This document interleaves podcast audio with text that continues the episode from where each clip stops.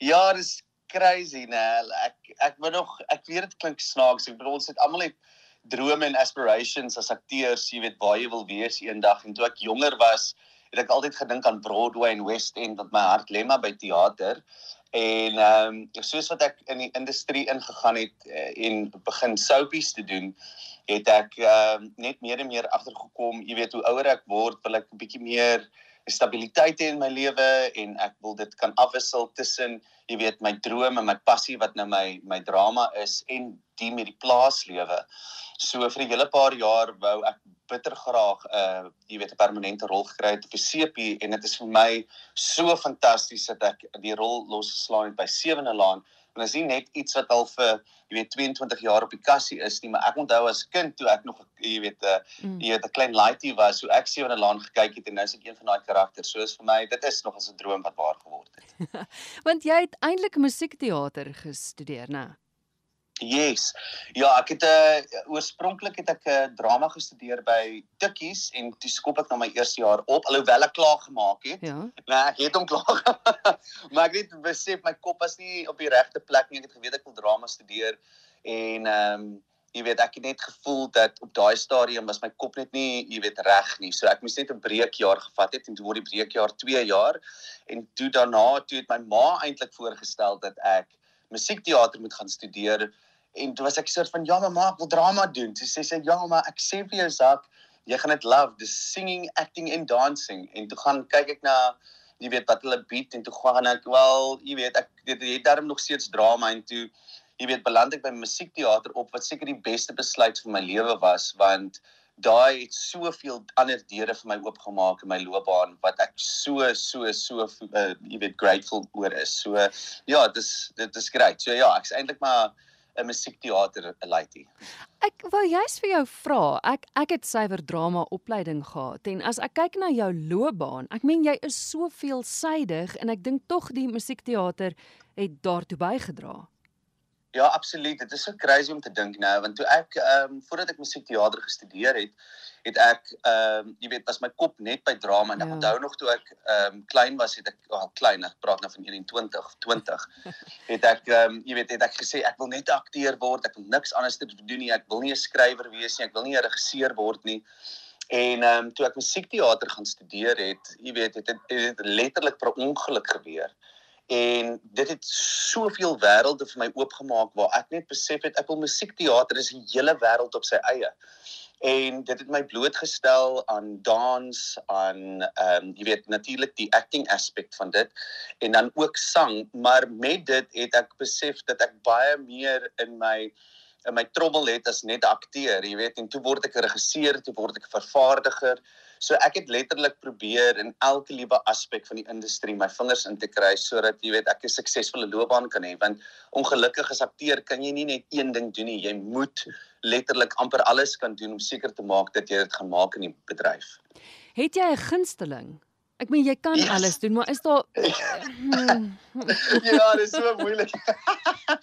dit is so moeilik hier ene ek weer eens, jy weet, ek elke elke genre het sy het sy eie jy weet ding wat jy weet uitstaan.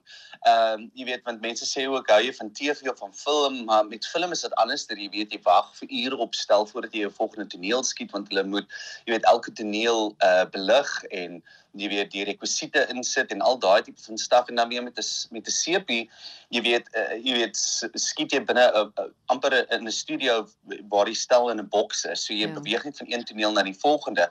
So elkeen het sy quirks en elkeen het sy soort van jy weet dinge wat hom laat uitstaan.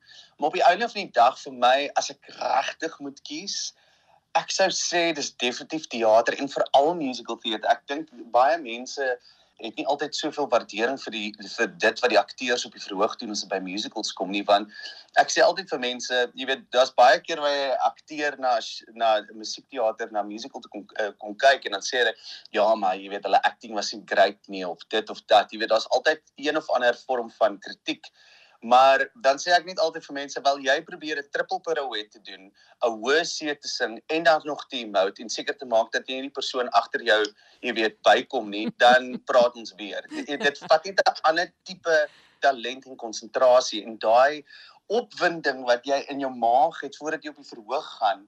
Jy weet jy elke aand op die verhoog gaan met 'n met 'n nuwe audience en jy weet amper aan hulle elke aand moet bewys uh jy weet hoekom jy op die verhoog behoort. Daai excitement, daai butterflies wat jy het, dit is iets op 'n ander level en jy weet en dit is hoekom mense akteur word. Jy weet jy you, you live for the applause en dis net maar wat dit is. Ja. Jy het gepraat van die feit dat jy regisseur en vervaardiger is. Vertel my 'n bietjie, ehm um, dis Pit Produksies. Wat is dit wat julle doen? Yes. So Pit Produksies is 'n opvoedkundige teatergemeenskap wat die voorgeskrewe ehm um, tweede taal Afrikaanse graad 12 werke vir uh, die IB syllabus ehm um, jy weet doen. So ehm um, die afgelope 2 jaar doen ons asem deur Jan Vermeulen.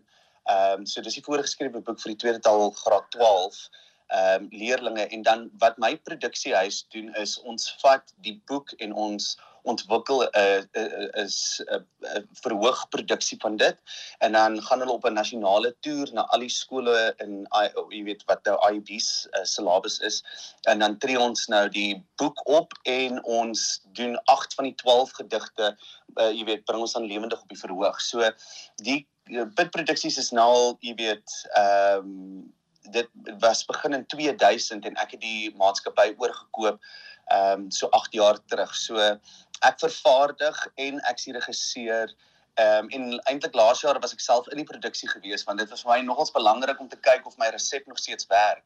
So uh, jy weet met COVID was dit vir my 'n uh, wonderlike plek gewees waar ek gegaan het wel, weet die werk is skaars, laat ek myself soms self in die laat ek myself sommer in die produksie gooi en dan kan ek ook al die onderwysers ontmoet. Ek kan kyk of die produksie werk en dit was regtig 'n ongelooflike ervaring om jy weet amper op 'n ouderdom van 40 nou weer op toer te gaan soos wat ek was as 'n student mm. en jy weet in 'n kar te klim, jy weet alles in 'n sak te pak, jy weet in 'n in 'n toer te doen en it almost went back to acting 101 wat jy weet wat mense amper vergeet het van waar jy vandaan kom as akteur.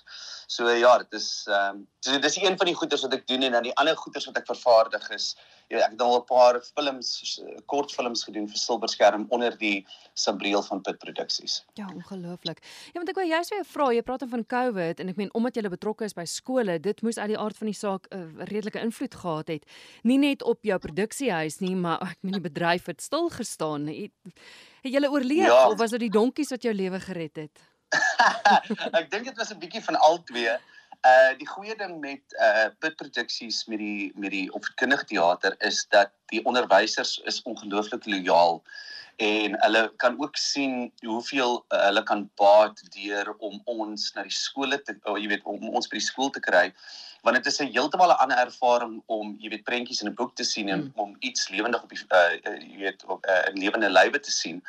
So uh, in 2020 uh toe uh, level 5 net gebeur het was dit was ons veronderstel om in ehm um, repetisies in te gaan en dit was nogals 'n nagmerrie vir my want ek het al hierdie besprekings gehad en die toer moes gekanselleer geword het. Dit doen ons 'n 'n film weergawe van die teaterproduksie wat darm my company gered het. Ehm um, en toe laas jaar eh, het die onderwysers die risiko gevat met die hoop dat ons nie weer in 'n harde lockdown gaan nie. So ons het wel op toer gegaan.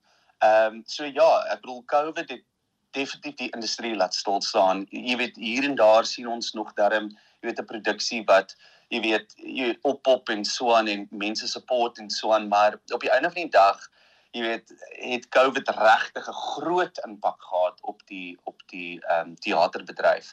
Maar gelukkig, jy weet in daai opsig moet ek vir jou sê uh, ek was darm ek wil net sê slim genoeg nie, maar ek het al altyd as akteur gedink, jy weet, wat kan ek doen buite die bedryf wat vir my finansiële stabiliteit kan gee? En die plaas was dit gewees. So ja. vir die afgelope 2 jaar het ek meer fokus gesit op die plaas. Ons het letterlik van ehm um, Randfontein na Magaliesburg toe getrek ehm um, sekere week voor level 5 hm. en ehm um, daai tyd in level 5 het ons sommer gebruik om die die infrastruktuur van die plaas uh jy weet te op te set en so aan en ons doen nou ook ons nou kothuis op die plaas en ons het dagbesoeke sodat die mense, jy weet, interaksie kan hê met die diere en die donkies. En dit is goeders wat nooit sou gebeur het as dit nie vir COVID was nie. So dit het definitief sy pros en cons vir my gehad, jy weet. Ja, vir luisteraars wat nie weet nie, julle het donkies, julle het ook produkte wat julle vervaardig. Want dit voel vir my partykeer word daar net soveel oor jou donkies met jou gesels as wat daar gedoen word oor jou bedryf. Ja, ja, ek weet, dis ja. nogal crazy, maar dit is ook maar oor dit ons die enigste donkieplaas ehm ja. uh, werkende donkieplaas in Suid-Afrika is. Ehm um, jy weet ek sê altyd in die begin toe ons met donkies geboer het, het die boere altyd vir ons gelag en gesê ja, maar daar's nie waarde, jy weet, in 'n donkie nie, jy weet, wat gaan jy met 'n donkie doen? Maar as oor dit ons nie regtig enigiets geweet het van donkies nie en dat jy weet ons jy weet uh, ons het uh, niemand in ons familie wat jy weet boere was waar ons kon leer nie. So ons het maar ons eie reëls ehm um, gemaak toe ons begin te boer het. En ehm um, nou is ons, jy weet, dis nou 12 jaar later en ons boer nog steeds met donkies en jy weet ons volg nou jy weet uh, die plase in Europa waar hulle donkiemelkprodukte maak en ehm um, donkiemelk seep en ons verkoop ook rou donkiemelk want baie mense weet ook nie dat donkiemelk die naaste aan moedersmelk is nie en dit is hoog in retinol so dis hoekom gebruik ons ehm um, donkiemelk in skoonheidsprodukte want dit is 'n anti-aging product maar ook kinders met ehm um, jy weet cow milk allergies mm. ehm mm. um, 60% van daai kinders kan bokmelk drink maar 90% van daai kinders kan donkiemelk inneem oor dit so naby aan moedersmelk is. So dit het verskriklik baie goeie properties wat jy weet Suid-Afrikaners nie noodwendig ken nie. So vir ons as 'n plaas is dit nie net om die produkte verkoop nie, maar ons moet ook, jy weet, eh, mense educate wat ons uh, werk nog ons 'n bietjie moeilik maak, maar uh, jy weet ons druk deur en jy weet um, die besigheid het aansienlik uh, meer opgetel oor die oor die afgelope paar jaar. Nou as ons terug is by jou rol wat jy speel in Sewende Laan, vertel my van die karakter wat jy vertolk. Ek wil Werner Versagie Ehm um, so dit is nou die nuwe familie, die Visaki familie, is 'n nuwe familie wat nou ja, jy weet in die laan kom. Werner is 'n eerlike en regheid man. Jy weet hy is 'n man wat glo dat familie, uh, jy weet sy sy hele alles waarna hy glo is gegrond in die wortels van sy familie en jy weet sy vrou en sy seun en ehm um, jy weet hy was 'n boer gewees op 'n stadium gewees uh, waarmee ek natuurlik kan identifiseer en ehm um, hy het uh, hulle plaas hulle het hulle plaas verloor as gevolg van voelgriep en ongelukkig ehm um, jy weet moes Werner nou ander planne gemaak het om jy weet brood op die tafel te sit ehm um, wel kos op die tafel te sit en ehm um, so hy's uh, hy's 'n handyman on the side om jy weet die bills te betaal. Is dit vreeslik anders as jou ander karakters? Hoekom ek vra is want jy was nou al in twee ander sepies gewees. En jy is yes. altyd nie 'n vreeslike gawe karakter nie. En jy jy's bekend in die bedryf daarvoor. Meeste van die tyd as ek met jou gesels, is dit omdat jy of 'n skurk is of 'n slegte ou of net 'n nare persoon is. Maar dit klink vir my asof Werner heeltemal teenoorgestelde is, asof jy die keer regte oulike ou is. Is like ek kan nie meer sê hoe lekker dit is om net 'n nice guy te speel ek sê altyd ek het een van daai gesigte wat lyk asof hy iemand gaan klap of wat geklap moet word. Jy weet en vir my, jy weet, dis snaaks want in die Afrikaanse bedryf het ek definitief die stamp of approval gekry as soort van the go-to bad guy. Maar ehm um, jy weet in teater het ek myself al taamlike kere bewys as iemand wat jy weet uh, klomp verskillende ja. genres kan doen. Ja. En ehm um, jy weet en ek dink die Afrikaanse TV-kyker weet nie noodwendig daai goeders nie. So ek as Zak weet, jy weet, ehm um, hoe versatile ek kan wees as akteur, maar ek het nog nie in my 30's daai opportunity gekry om dit vir die uh, uh, Afrikaanse TV-kyker te wys nie. So vir my is dit so lekker om eintlik net 'n nice guy te wees en daar is regtig nie een enkele lelike been in Werner Versagie Eh, versag nie want hy hy is regtig 'n eerlike en nice guy en hy's 'n prankster en hy's lief vir sy familie. Jy weet maar natuurlik moet jy nie jy weet skoor soek met hom of sy familie nie want dan sal jy tweede kom. Jy weet so dit is my baie lekker om hierdie tipe rol te speel wat ek nog nie aan die Afrikaanse uh, mark gewys het nie. Sommers so 'n laaste vraag. Jy het soveel balle wat jy in die lug moet hou. Ek meen dit is die plaas, dit is jou produksiehuis, dan is dit nou 'n permanente rol in Sewende Laan. Hoe doen jy dit? met baie met baie harde werk. dis crazy hoor. Like uh, dis net ek moet sê ek is absoluut blessed met die feit dat ek wel, jy weet, ehm um, jy weet uh, al hierdie werk het en dat ek 'n plaas het wat regtig goed doen met die dagbesoeke en met die donkie melkprodukte. So daarom het ek goeders om myself besig te hou en pitproduksies. Dit is baie wat ek moet doen, maar ek het 'n baie goeie support structure en ek glo ook, jy weet, as jy enige sukses in jou lewe wil maak, moet jy 120% gee en vir my is daar daar jy jy kan nie eers kom as jy nie hard werk nie. En uh dis hoekom is dit so belangrik dat ek jy weet op vakansie moet gaan jy weet een keer 'n jaar net sodat ek net kan reconnect met myself. Want anders dan gaan jy jouself uitbrand maar ek dink nie mense besef hoe hard uh mense in ons bedryf werk nie want dit gaan nie net oor die repetisies nie. Dit gaan ook jy weet uh ja, jy moet huis toe gaan en jou woorde leer en dan leer jy woorde tot 10 uur die aand en dan moet jy administrasie doen vir jou ander maatskappy en dan moet jy weer 5 uur opstaan om 6 uur te ry sodat jy 6:30 by die werk is. Dan sê jy weer tot 7 uur daar dan moet jy huis toe ry dan moet jy miskien gym toe gaan dan moet jy administrasie doen.